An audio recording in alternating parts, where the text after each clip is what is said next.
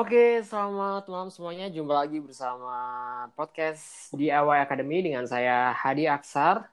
Kita udah kedatangan tamu spesial banget malam ini. Uh, dia masih muda, tampan dan berbakat, berprestasi dan beliau ini uh, sosok entrepreneur muda yang keren banget lah pokoknya. Langsung aja kita sambut bersama Mas Bro Wahyu Taufik, founder Halo. sekaligus CEO DIY Academy. Halo Mas Wahyu. Halo, halo Mas Hadi. Makasih uh, udah dikasih kesempatan untuk berbagi di podcast ini. Oke, gimana Mas Bro kabarnya?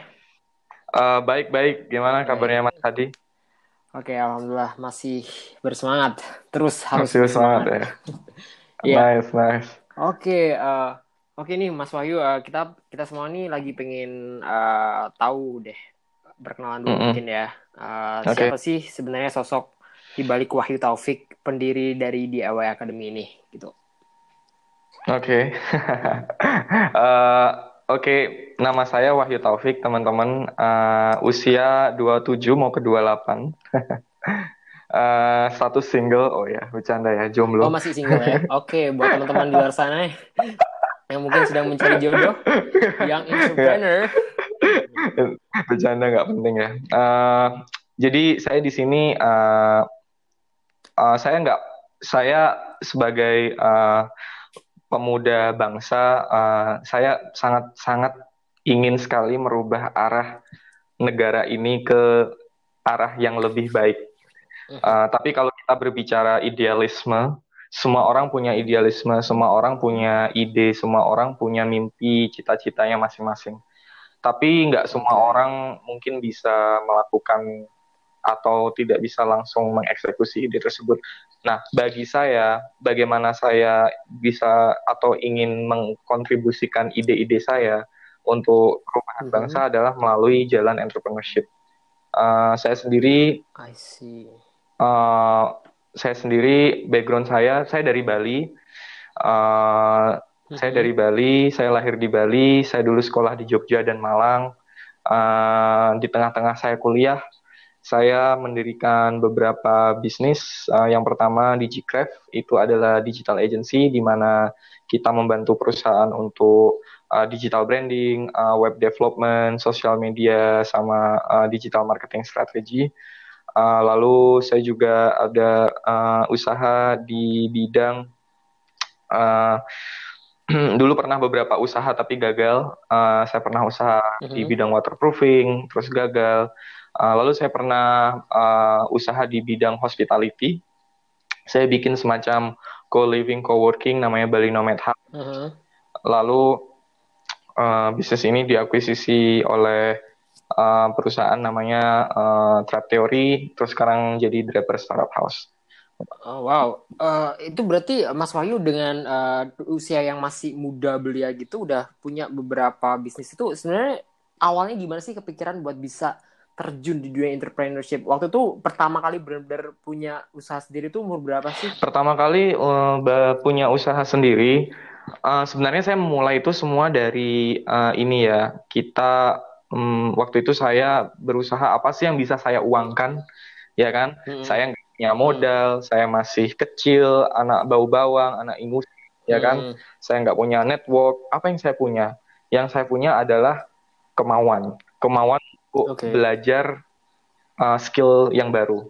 Nah, apa yang saya pelajari waktu uh, kurang lebih tahun 2009-2010, saya uh, mempelajari uh, waktu itu digital marketing.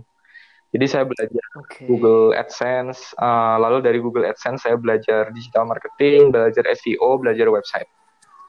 Ketika Mhm. saya kuliah uh, di, uh, di di Universitas Negeri Malang waktu itu, saya kuliah IT, Mhm. saya uh, mulai bisa memonetize skill yang saya pelajari. Dan saya um, mendapatkan klien pertama saya, uh, dan dari situ uh, usaha saya berkembang dan bikinlah saya perusahaan resmi dan segala macam. Jadi Oh, wow. waktu itu saya umur berapa ya? 23 kalau nggak salah, 22 apa 23, antara 22 atau 23. Bikin perusahaan resmi ya, tapi kalau jadi freelancernya udah udah Udah dari awal masuk kuliah ya ya? dari awal masuk kuliah. I see. Hmm. Wah, keren banget ya. Jadi, eh, nah, kebetulan banget nih topik kita malam ini kan eh, bagaimana sih cara survive, bangkit, dan berinovasi di tengah pandemi seperti sekarang ini. Mm -hmm. Nah, kebetulan banget kan ya ini uh, Mas Wahyu kan mungkin banyak banget uh, teman-teman generasi muda, anak-anak milenial kita di Indonesia ini yang sekarang terdampak uh, pandemi COVID-19 yang mungkin akhirnya mereka masih uh, benar-benar fresh graduate, mereka baru lulus dari uh, kampusnya, dari universitasnya, tiba masih baru kerja beberapa bulan, tiba-tiba harus di-cut atau bahkan kena PHK karena dampak COVID. Nah, ini nih kira-kira uh, mungkin kita bakal along the way nanti kita bakal ngobrol uh, kembali lagi sih ke gimana Mas Wahyu ini uh, bisa akhirnya terinspirasi mendapatkan pencerahan dari langit untuk membangun DIY Academy. Mm. Cuman mungkin uh, di sini Mas Wahyu bisa kasih uh, apa sih ya? Uh, uh, mungkin tips dan trik apa sih yang sebenarnya kita lakukan sebagai anak muda itu uh, biar biar kita bisa sukses gitu, bisa jadi entrepreneur, bisa jadi pemimpin bangsa di era sekarang, apalagi di, di situasi pandemi kayak sekarang ini kayak gitu. Oke, okay. uh, pertama-tama mungkin kita harus meluruskan niat dulu ya.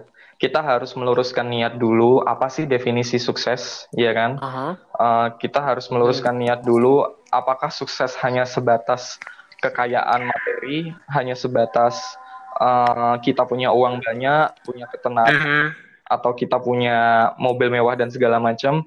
Uh, kalau saya secara pribadi, definisi sukses menurut saya adalah bagaimana kehidupan kita itu bisa membawa mendatangkan uh, manfaat sebanyak-banyaknya untuk untuk orang lain dan oh wow oke okay, oke okay. ketika very noble ya ketika uh, ketika saya sudah meluruskan niat uh, alhamdulillah jalan itu selalu datang kita dikonekkan ke orang yang tepat kita di uh, diberikan peluang-peluang yang baru jadi kalau menurut saya itu pertama-tama kita harus luruskan niat dulu. Okay. Uh, kenapa sih kita mau melakukan apa yang kita mau lakukan?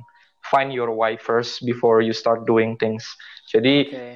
uh, temukan dulu uh, mengap mengapa kita melakukan hal ini. What is our why? Mm -hmm. okay. uh, nah, setelah kita menentukan niat, baru kita uh, belajar skill. Oke, okay, belajar mm -hmm. skill ini macamnya ada banyak Uh, dan uh, saya selalu percaya bahwa sesuatu yang diniatkan dan dilakukan dengan penuh passion, uh, insya Allah itu akan sukses.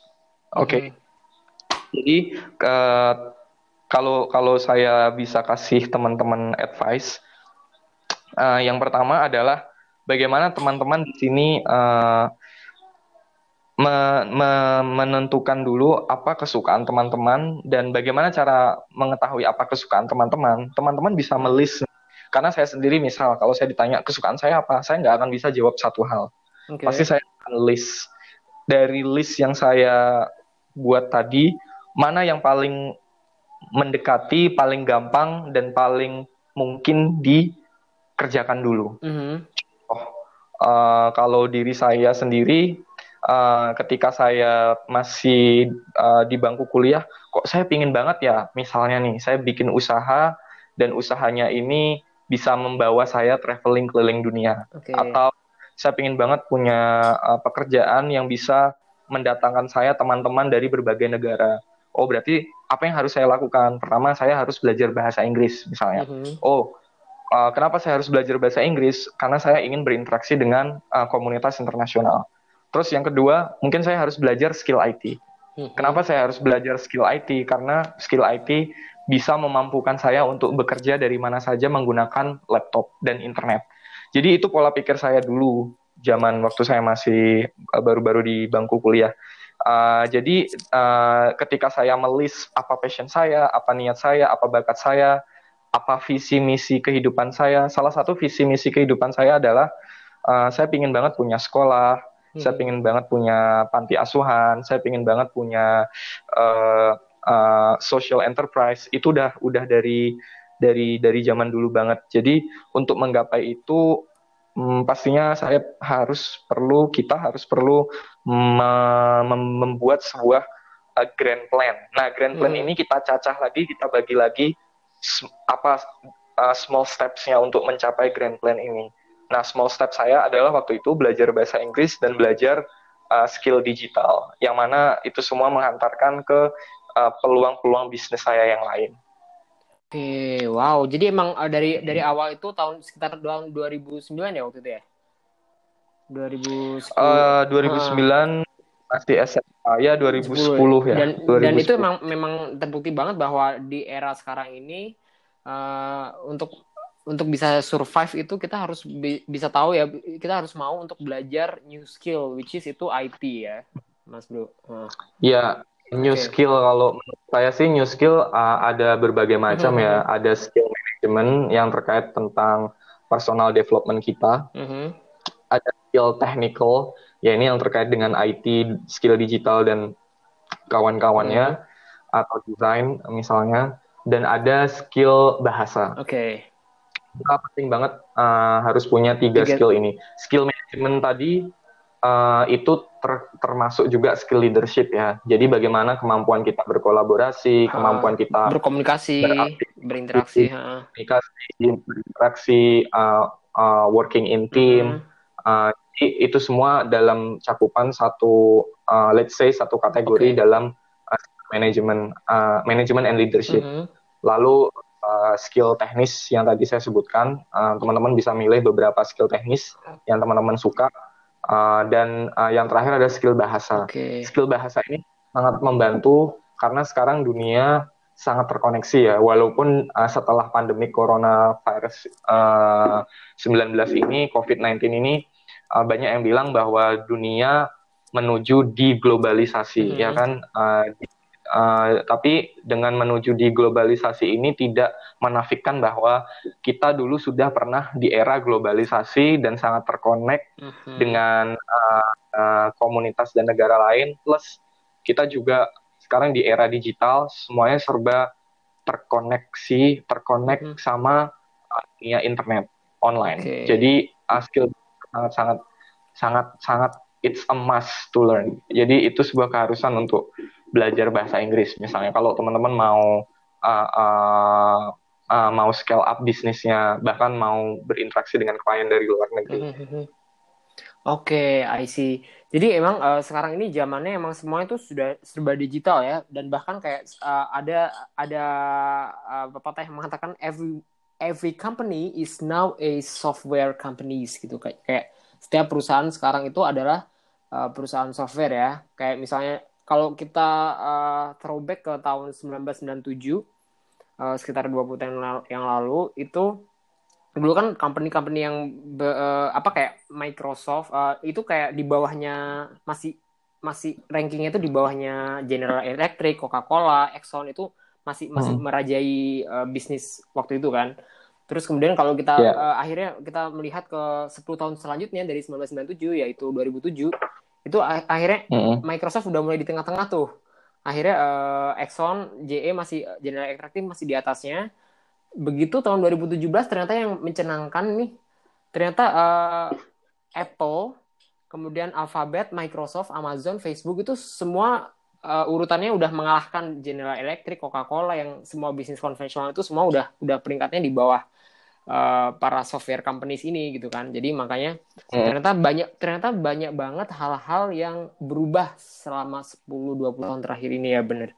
Mas Wahyu. Terus kira-kira apa aja sih kayak skill skill-skill apa aja sih yang harus kita punya gitu untuk bisa kita biar survive biar kayak misalnya ada pandemi kayak gini lagi atau mungkin uh, in the near future kita bisa tahu nih kita bakal kalau kita punya skill itu kita bakal bisa tetap kerja, tetap bisa